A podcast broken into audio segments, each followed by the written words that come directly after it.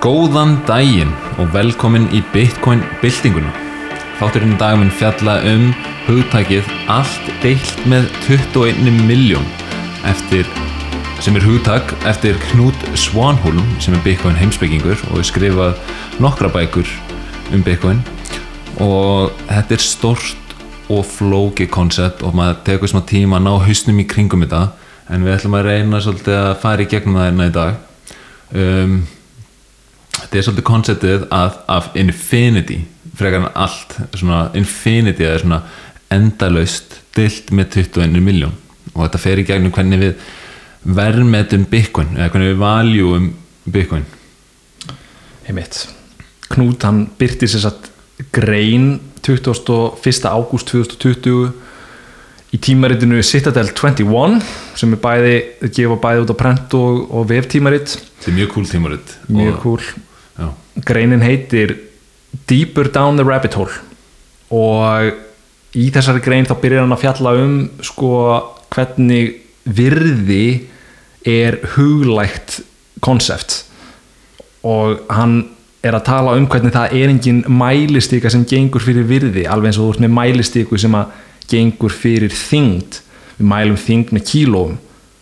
Þannig að þú ert með stein sem að vegur kílógram árið 1900 það vegur 1 kílógram eða þess að steinin vegur 1 kílógram í dag sem er leiðis og svo ertu með lengd í metrum. Við erum með Hallgrímskirkju sem var 74,5 metrar þegar að byggingu hennar laug árið 1986 og Hallgrímskirkja er 74,5 metrar í dag. En svo ertu með hambúrgara hambúrgar á McDonalds sem að kostaði 25 cent árið 1975 en hann kosta sami hambúrgarin í dag myndi kosta 1 dólara og 25 cent. Og þarna er greinilega ekki eitthvað svona fasti á virði og það er það sem að Knút er að velta fyrir sér. Hvernig virði í raun og veru, hvernig er þetta að hugsa um virði og hvernig getum hugsa um virðið á Bitcoin? Já þetta gefur nefnilega líka hann út myndband með þessu og hann uh, og segir svona fljótt bara já að, value is subjective að verði þessi huglægt og þú veist ég hafði heyrt þetta oft en það var ekki fyrir en svona ég fór að kafa í austurísku fræðin sem ég gerði um betur svona grein fyrir bara svona já auðvitað er virði huglægt og komið sérna til að þú veist það eru kannski ekki allir jafn sammála um það.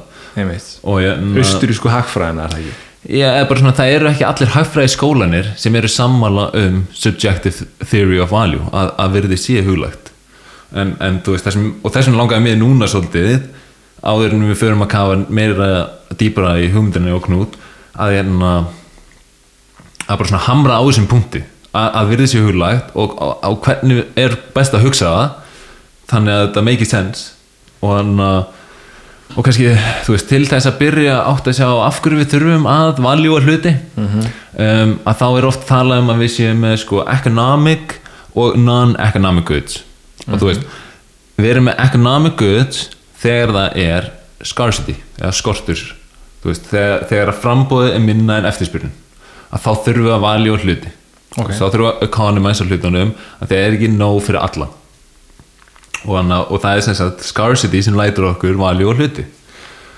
Um, þú ert með non-economic sem eru, þú veist, þeir eru gagsamir en hafa ekki virði -hmm. en síðan ertu með economic goods sem eru gagsamir og hafa virði um, eitt dæmi til að átta sér betur á því að, að þú veist, virði er huglægt er að taka ólju og hugsa að þú veist áður fyrr, áður en við vorum búin að finna upp vélar og til þess að sem, sem eru knúnar áfram af ólju að þá þú veist var það tali bara að vera bara svona þú veist þá var bara ólju að drulla og þá var bara vesen ef þú varst með ólju á landinu mm. -hmm.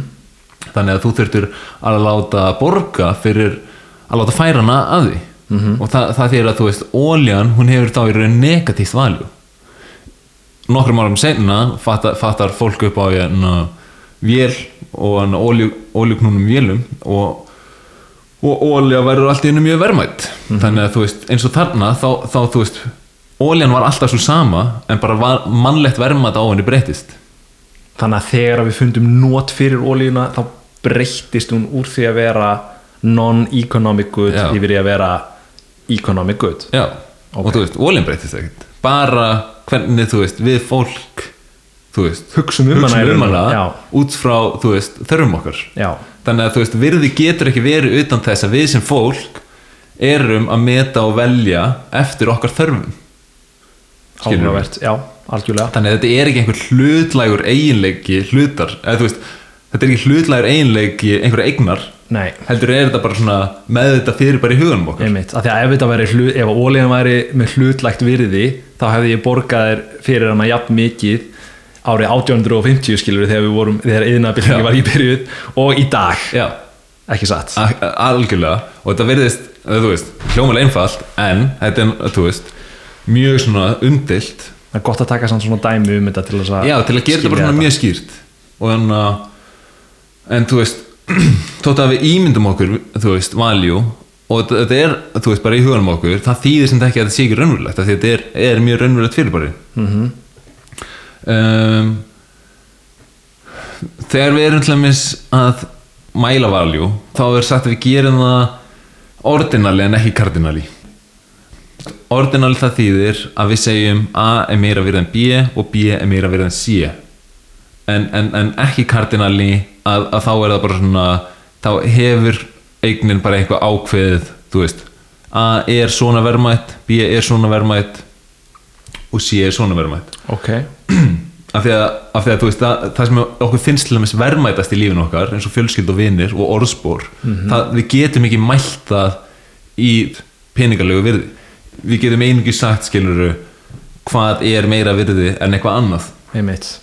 Uh, viðskipti þau eiga sér þú veist, an, annar punktur til að ná þessu um, um huglægt valjú er að viðskipti þau eiga sér einungi stað þegar einstaklingar skipta á hlut og attribúta mismunandi verðmæti að þeim hlut.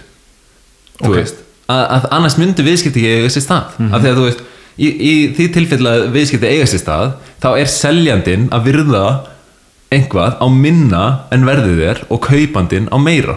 -hmm. annars myndi seljandinn ekki selja veruna eða kaupandinn ekki kaupa. Einmitt, þannig að þú veist, ef fólk ákveður að skipta þá græða báðir aðlar á því. Annars myndi þeir ekki eiga tiltekinu viðskipti. Ef þeir græða báðir þá fylgir það að þeir fengu báðir eitthvað sem þeir virða meira en það sem þeir gáfu upp og þú veist það þýr að, að, að þeir setja mismundi virði á saman hlut. Ok. Og hérna er bara mjög skýr punktur að virði getur ekki verið hlutlægt uh, þegar það er mismundi milli einstaklinga. Einmitt. Hvernig getur við tekið dæmi um þetta? Þú getur tekið dæmi um svona sem, sem, rið, sem riðtöndur sem gefur út bók -hmm. hann græðir á sölunni á bókina hann er búinn að afla sér upplýsinga og, og þú veist, eitt til það langum tíma og núna er hann komin bók og hann græðir á sölunni og hann setur eitthvað virði og, og, og er að græða á sölunni -hmm. gæðin sem er að kaupa hann virðir bókina á meira en hún kostar -hmm. og telur sér, þú veist, geta bara fengið bókina og fengið aðgangina upplýsingurinn sem riðtöndurinn hafði aflað sér og, og til það að vera meira virði en það sem höfundurinn að selja bókina. Já, og hérna er bara, þú veist, saman bókin með mismundi vali og milli einstaklinga. Þannig virði er klárlega huglægt, ekki hlutlægt og þetta er fundamental munurinn milli austurískru hagfræðarnar og annars konar hagfræði. Það er það að austuríski skólinn trúir á huglægt virði hluta. Um, sumir segja virði sé hlutlægt áhugavert að taka til dæmis kommunista manifestóið að þeir segja að, að þú veist, það er, það, er, það er að tala um að virði sé jæmt og vinnan sem hefur verið lögð í tiltekna eign. Þannig að þú veist, það er kallað the labor theory of value. Og þú veist, þegar að kafa í grunna þá bara svona, það meikar ekkert sens.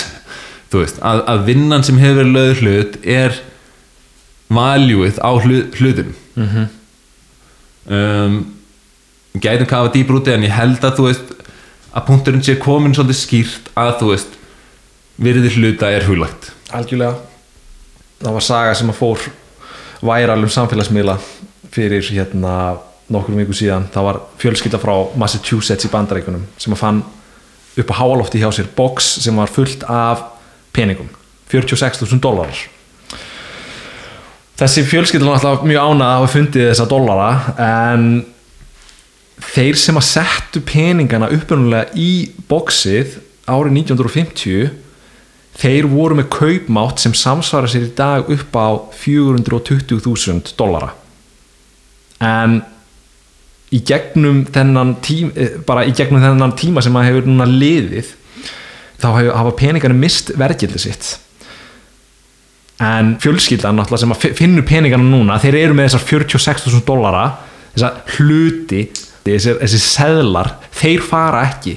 En virðið sem er huglægt það er búið að að sveiflast í gegnum öll þessi ár.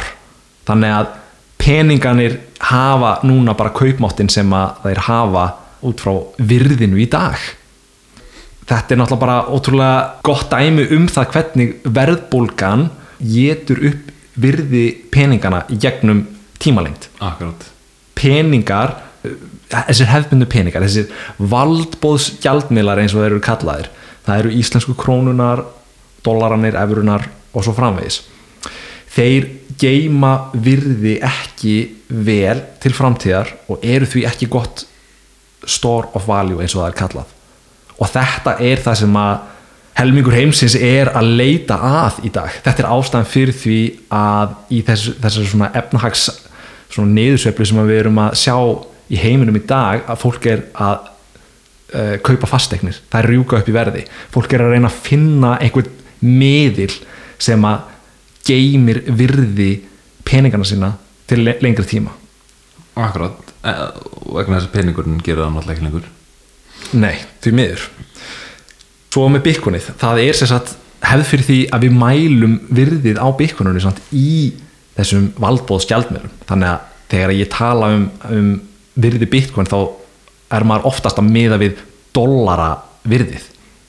Uh, en sá mælikvarði er ekkit endilega sá besti til þess að átta sig á raunverulegu virði byggun Nei, vegna þess að þú veist, dollarinn er ónýtt það sem við myndum segja mælistega af því að þú veist, hún er mjög óáraðanleg og ógagsæ og þú veist ekki hvað verða til margir peningar eftir ár eða tvö ár og, og sérstaklega á tímum eins og í dag þegar verða að prenta út bara unprecedented magn af, af peningum. Einmitt, og fólki kannski finnst þetta að vera mjög skrítið að heyra að þú veist að dollarin sé sé ónýtur. Þetta er hérna svona the global reserve asset og algjörlega svona grunnurinn af peningum í heiminum. En einmitt eins og þetta að segja uh, Sæðlabanki bandaríkina sem að er svo stopnun sem að framleiðir bandaríska dollara hún hefur bara komið fram og, og sagt að geta þeirra til þess að prenta dollara er endalaus. Og þeir geti gert það bara með því að íta á enter í Excel-skjálunum sinu og búið til nýja línu þar sem er skrifa upphæðina. Það er algjörlega absúrt hvernig peningar eru já, bara búin til. Já, og þetta er náttúrulega mýmið sem að hérna hefur verið búið til money printer goes brr segir þetta allt saman skilur veist, peningar eru bara einhvern veginn svo ég veit ekki, lítils virði fyrir þeim sem að meðhöndla og, og hérna stjórna ströymi peninga. Akkurát og það er náttúrulega bara eitthvað sem að mannkynið er pínulítið að- glíma við núna. En já við erum sem sagt, það er hefð fyrir því að mæla virði bitcoin í dólarum og engin veit hvað eru margir dólarar í, í umferð og allt það en með bitcoin.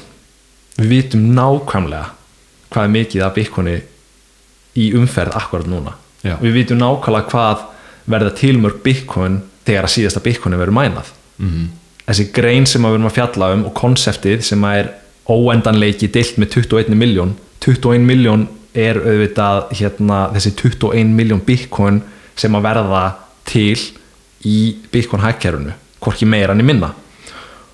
Og þessi sagt, grein hjá Knút hún byrjar á því að fjalla um hvernig virði er huglægt en svo er að veltaði fyrir sér hvernig við getum mögulega mælt eða hugsað um virðið á Bitcoin. Og þá tekur hann dæmi. Hann ímynda sér eigu þar sem að tveir einstaklingar búa á. Annar aðilinn hann veiðir fisk. Hinn aðilinn veiðir kanínur. Og þeir gera það báðir með höndunum. Þannig að þeir eru báðir með svona frumstæðustu tólinn til þess að útvega sér mat. En báðir einstaklingar eiga eitt bitcoin. Og þeir nota það þegar að hart er í veðri, eða hart er í ári segi ég og þeir vilja hérna þurfa að kaupa annarkvort fisk eða kanínu af hinnum aðilunum. Dag einn þá býr veiðum, eða sérst fiski veiðimaðurinn hann býr til net.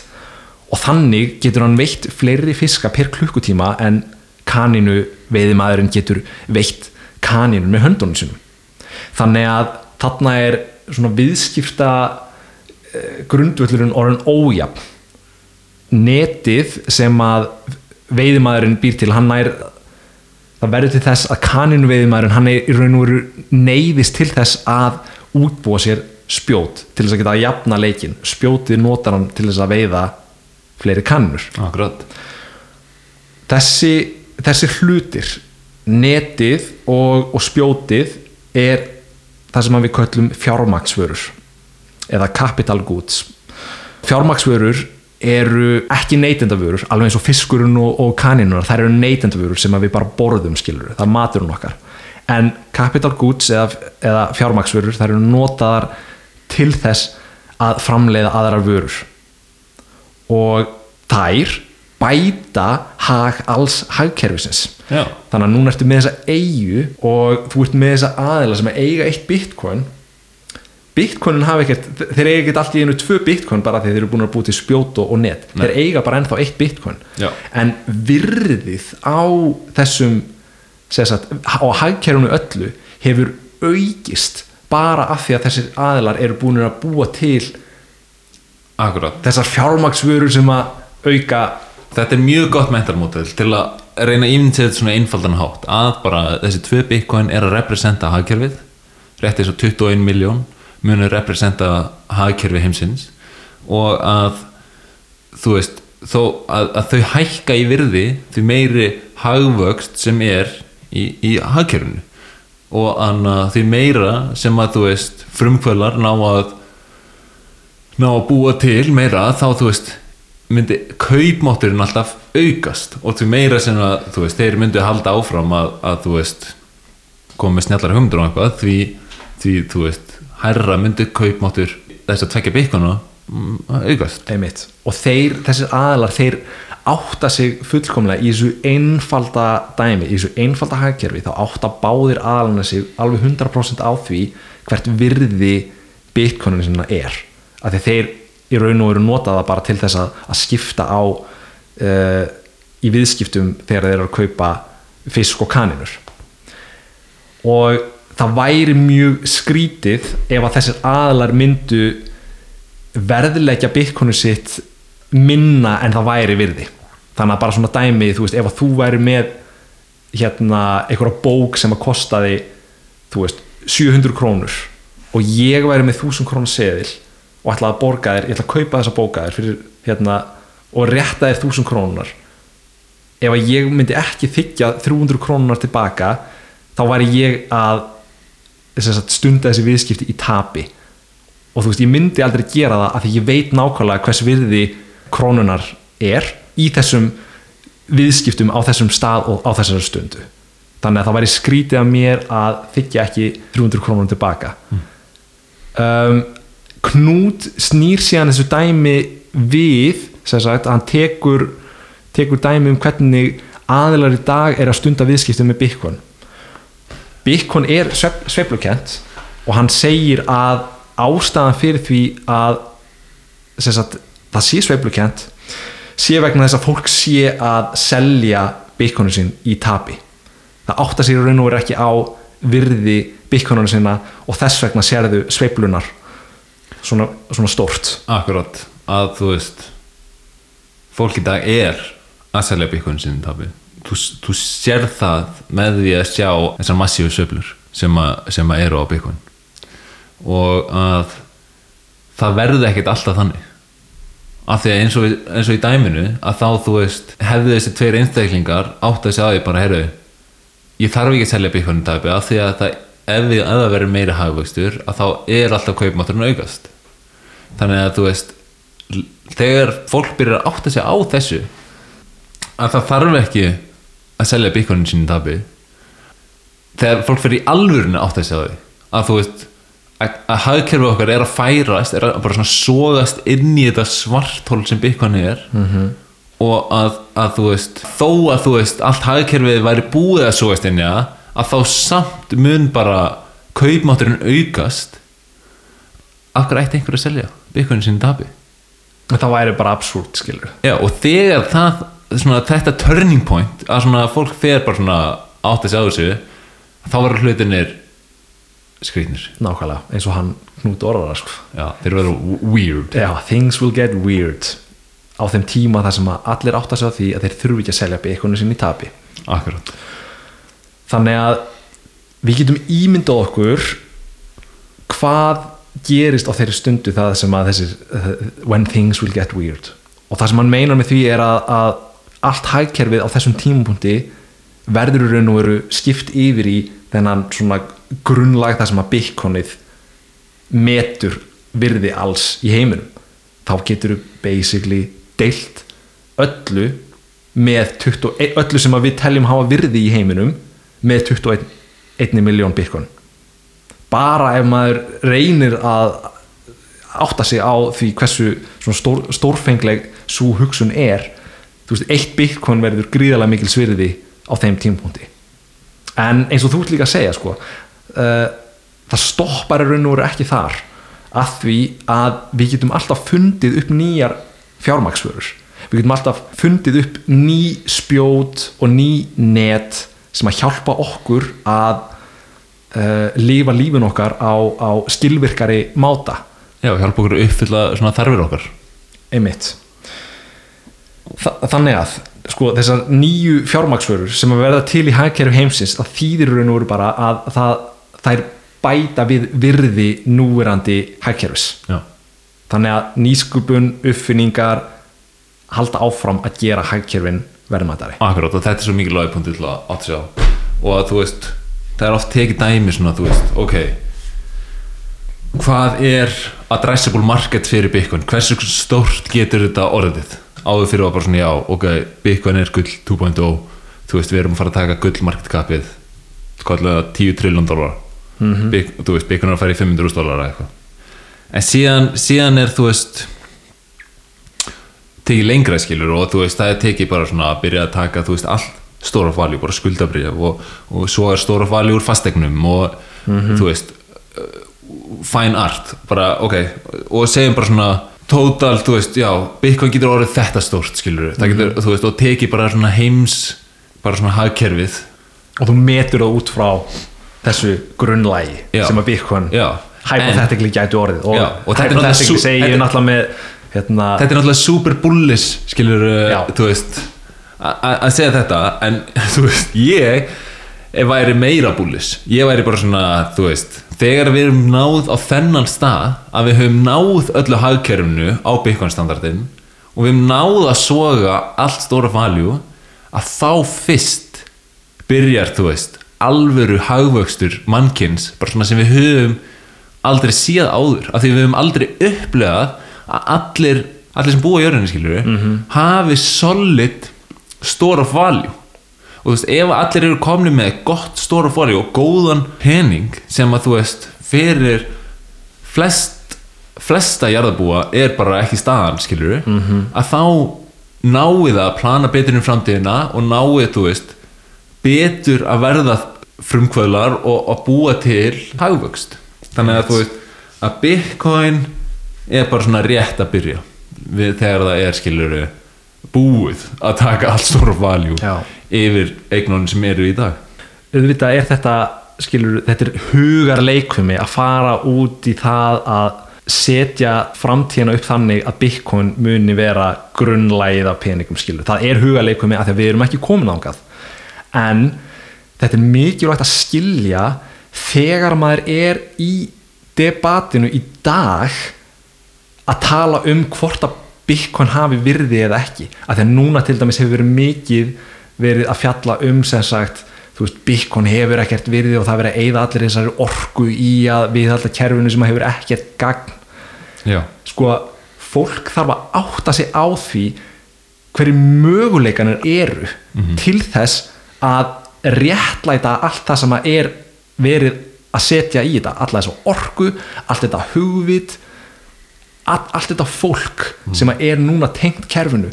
Það er að horfa fram á að í framtíðinni þá getum við byggt, mann, byggt mannkynnið á, á, hérna, á betri stað en það er í dag. Akkurat þú veist hvað erum við með hérna í heiminum í dag? Við erum með stríð við erum með hræðilegt hérna óréttlæti. Og verðbólgu út um, þú veist, viðsvegar einmitt. Og fólk sem bara næri ekki aðgangi að bankakerfum. Að miljardin manna sem hefur ekki aðgang að bankakerfi. Við munum fjalla um þetta hérna á næstu vikum vonandi. Það er alveg ótrúlegt hvað Bitcoin er að hjálpa fólki út í já, heimi. já, já, amen. En já, með hérna sko, hvers virði er þá Bitcoin? Og þú varst byrjaðar að velta pínlítið fyrir þér sko, ok, við þurfum að taka þá bara allt sem að er hérna, þú veist, í heiminum. Við erum með fastegnir og hlutabrif og ráurur og ég veit ekki hvað. Skuldabriðin Skuldabrifin. skuldabriðin Já, það er stærst. já, emitt og gárungar hafa verið að taka upp tölur eins og 400 trilljón dollarar til þess að reyna að setja tölu í dollara virði á virði alls í heiminum. Eða á jörðinni. Akkurat. 400 trilljón dólarar, vá, það er mikið. Eru örgulega margir að hugsa með sér akkurat núna. En bara svona til að setja í samhengi þá eru 12-0 fyrir aftan eina trilljón. Og ef þú myndir taka eina trilljón og setja það í sekundur þá myndir þú vera að telja 1, 2, 3 upp í eina trilljón og það myndir taka þig 31.546 ár og þú þarft að markvalda það með 400 til þess að komast upp í þessa tölu sem eru 400 hérna, triljónir þannig að 400 triljónir væri til dæmis það myndi taka 12,6 miljón ára að telja í sekundum um það mm. Ertu til í það Ívar? já, kannski í næsta þætti en allavega allt virðið í heiminum cirka 400 trilljara dólara virði og ef við tökum að þessi 21 miljón bitcoin sem að verða til þá sjáum við að, að á núvirði bandarækjadólara þá væri eitt bitcoin 19 miljón dólar verði. Bara svona til að gefa hlustendum pínlítið svona hugmyndin af því já, hvert uh, verðið þyrfti að fara til þess að þessi svona hugarleikfumi myndi æxlast og, og verða að veruleika. En já þarna er heimur sem að er búin að breyta úr fiat hægkerfunu yfir í það sem hann notar bara bitcoin. Akkurat. Þannig að þú veist eh, Bitcoin getur orðið mjög stórt.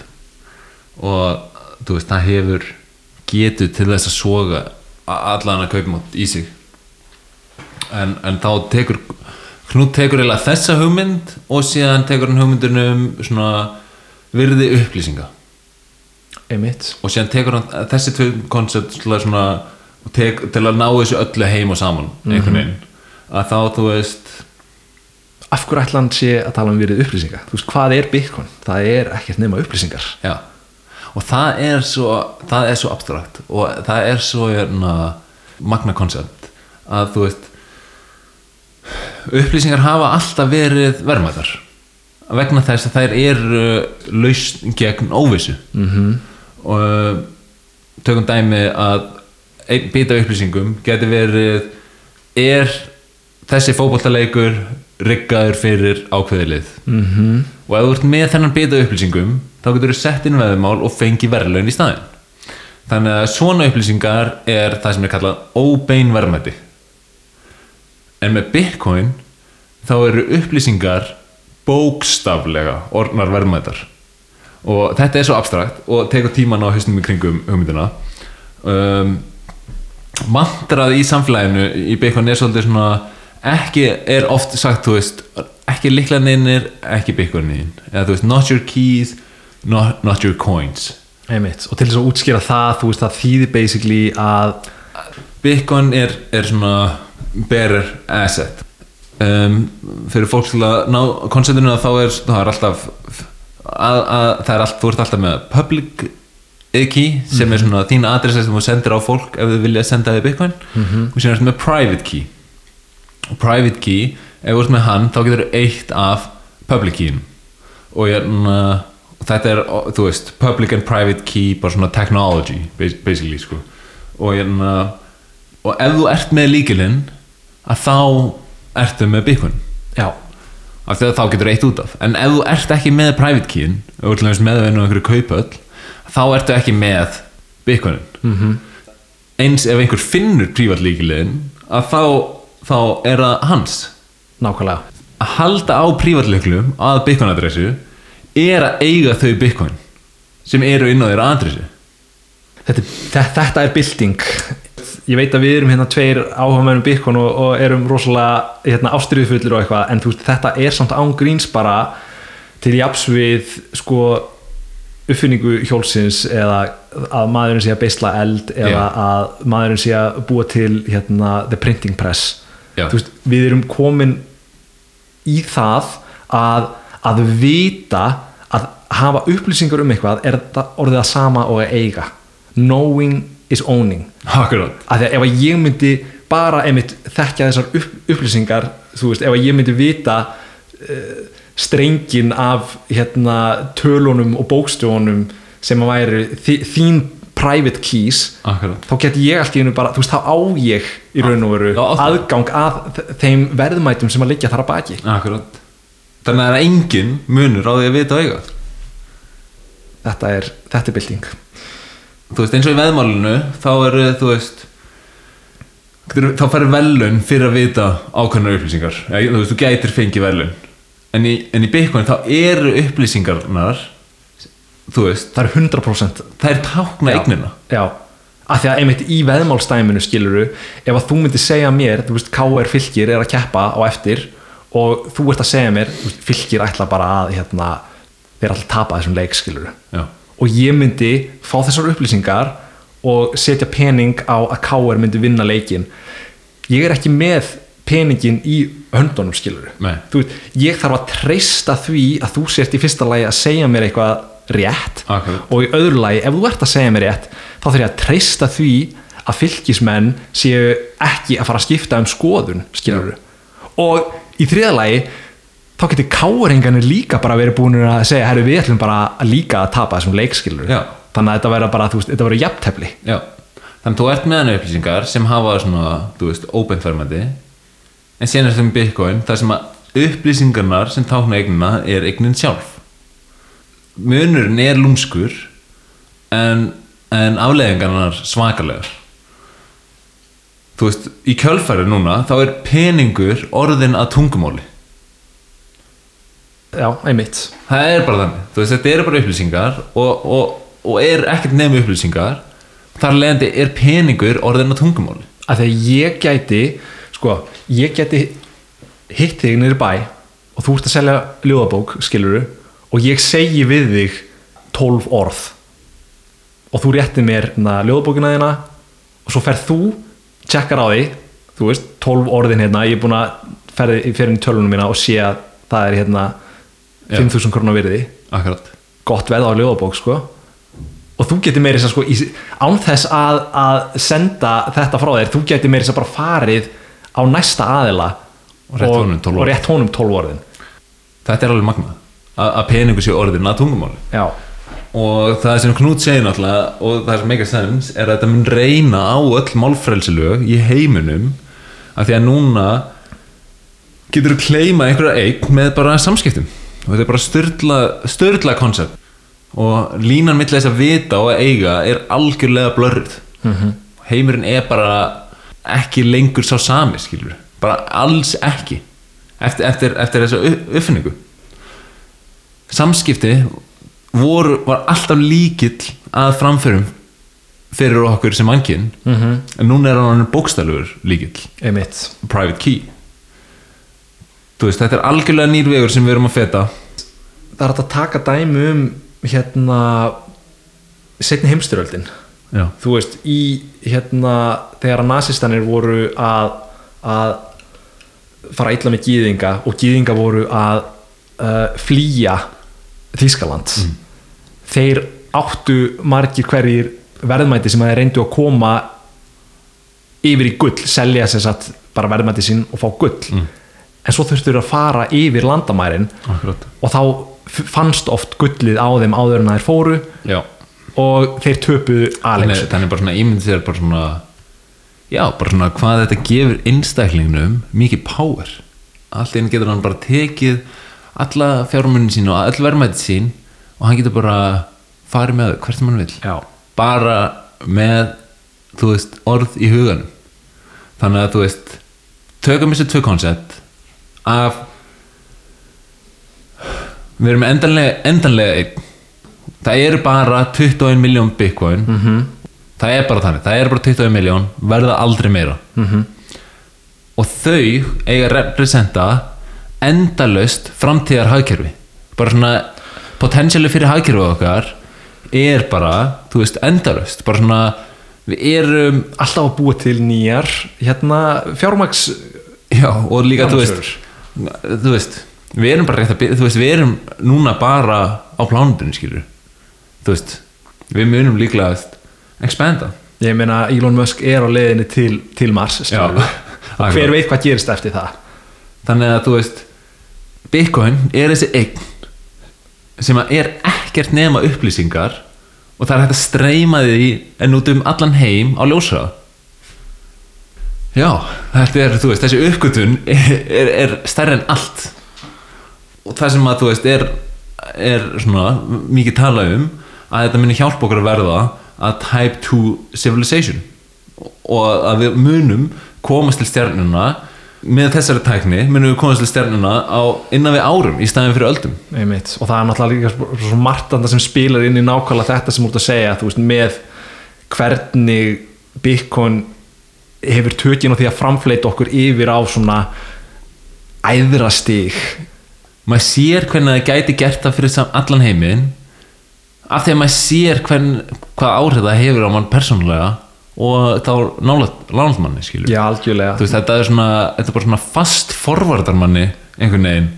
Bara svona þvílíkt bara svona knowledge sem maður fær í að horfa í gegnum Bitcoin linsinu Já, ég er alveg sammála því. Ég, alveg, ég samsvara mig algjörlega við því en þú veist bara fyrir þá sem er að hlusta skilur að þú veist, og eru kannski ekki alveg dottnir jafn djúft í kaninhólun á við Já. Þú veist, það er hérna að bara átta sig á því já, mannkynni er ekkert á einhverjum frábærum stað akkur núna skilur, þú veist, það Nei. er bara Kína er á, á, á vondur stað, bandarækin eru í endalessu stríði you name it skilur, óreittlæti, við vorum að tala um þetta áðan. Hvað fjármagnar allt þetta óréttlæti? Það er endalaus geta stjórnvalda og seðlabanka til þess að framleiða pening, búa til pening upp úr Já. engu sem að fer síðan bara beint í þá sem er að búa til sprengjunar, búa til skriðdregana fjármögnun á stríðinu og óreittlætinu það, þetta myndi ekki gerast með Bitcoin. Nei, Bitcoin, þetta er bara endurinn á ofbeldi og þú veist, þetta er endurinn að stríðum. Það er ástæða fyrir mýmið bara make war unaffordable þú veist, það, það er bara svona geta ríkistjórna til að til að halda áfram í stríðum sem oft, oftast þegnanir eru bara á móti og myndu ekki borga beint nema þú veist nema, og þú veist, það, þú veist, það væri bara ekki hægt að fjármagna nema með getu þeirra til að prenta meiri pening. Einmitt. Og svona þegar maður fyrir að átta sig á þessu þá fyrir maður svona að skilja aðeins betur kannski hvernig svona heimsmálin líka svolítið þú veist, stjórnmálum myndu alltaf leita eftir diplomatískum leiðum. Eða allavega í veist, þe- þeir myndu mögulega be- bera rauk fyrir því að já við gerum það nú þegar við förum alltaf diplomatísku leiðina en þú veist heimurinn bara er ekki þannig sko. það eru stríð og átök. En það bara þegar þú ert með þessa endanlegu eign skilur akkurat. Þú veist, ríkjum klára bara byggjum já, og hvað svo? og hvað svo? Akkurat. Þannig að þú veist Bitcoin mun, mun breyta öllu. Þetta er, veist, þetta er svona eignanlegasta og varmættasta eignin. Veist, þetta er eignanlegasta þá meina veist, það er auðvelt að eigana það er auðvelt að halda á henni. Ég get svona, þú veist, securaðana frekar auðveldlega en mjög vel. Þannig að þú veist, það er bara ómurlegt að taka hana af mér. Og þetta er líka verðmætasta eignin í alheiminum. Einmitt. Sem er að fara að representa skilur infinite hagkerfi fyrir öll, öll, öll netun og spjótin Já. sem að vera framleita verð- 2500 skiluru verðmætasta eignin sem er ekki hægt að taka fólki með valdi. Já, leið og ferð átt á þessu þá ferðu bara já, endirinn á ofbeldi. Þetta er endirinn af stríðum. Skilur, það er ástæð af hverju okkur, við erum svona passionate með það snýst ekkert um að verða ríkur. Þetta snýst um bara eitthvað miklu, miklu, miklu starra þú veist, þegar þú getur ekki vita hvað einhver tiltekin manneskja á og þú getur ekki tekið af henni með valdi þá er enginn að auðgast í heiminum nema að veita þínu fellow fólki einhvað af actual virði. Algjörlega velmælt þessi grein er rosalega mikilvæg að að lesa myndi ég segja bara til þess að átta sig á þessari svona þessum möguleikum og og, og átta sig á að þetta er algjör bylting. -hmm. þetta er ekki bara einhver ný leið fyrir greiðslumil þetta er eitthvað sem mun bara virkilega breyta stefnu mannkins já, til veist, og þegar við erum núna eitthvað að reyna eitthvað að útskýra bitcoin eða að reyna þú veist segja skilur gull 2.0 eða, eða þú veist hvað sem við segjum skilur þetta er bara eins og við séum bara veist eins og Knut segir við erum, við erum hellisbúar að reyna að útskýra Boston Dynamics. Já veist, við eigum bara ekki breyk þetta er bara eitthvað þetta er eitthvað allt annað. Alveg eins og að þegar að Gutenberg býr til the printing press þú veist, kirkjan hefði mögulega geta átta sig á því hvað var að gerast og bara herði ok, við þurfum bara að loka þessu hérna það er enginn að fara að búa til einan printing press en þetta gerist bara svona Ah. um leið og hugmyndin var komin upp þá varstu búin að búa til tæki og tól fyrir mannkynnið að dreifa upplýsingum og með því að dreifa upplýsingum það, það fór með kirkjuna basically alveg eins og að Satoshi hann ítti á enter og kerði Bitcoin Genesis blokkið árið 2009 3. januar 3. januar og hingað erum við komin. Já, og hann skrif einna, hvað kallar maður á íslensku? Þetta var hérna upplýsingar sem að fylgdu með kupnum hérna the chancellor is on a brink of brink of second bailout.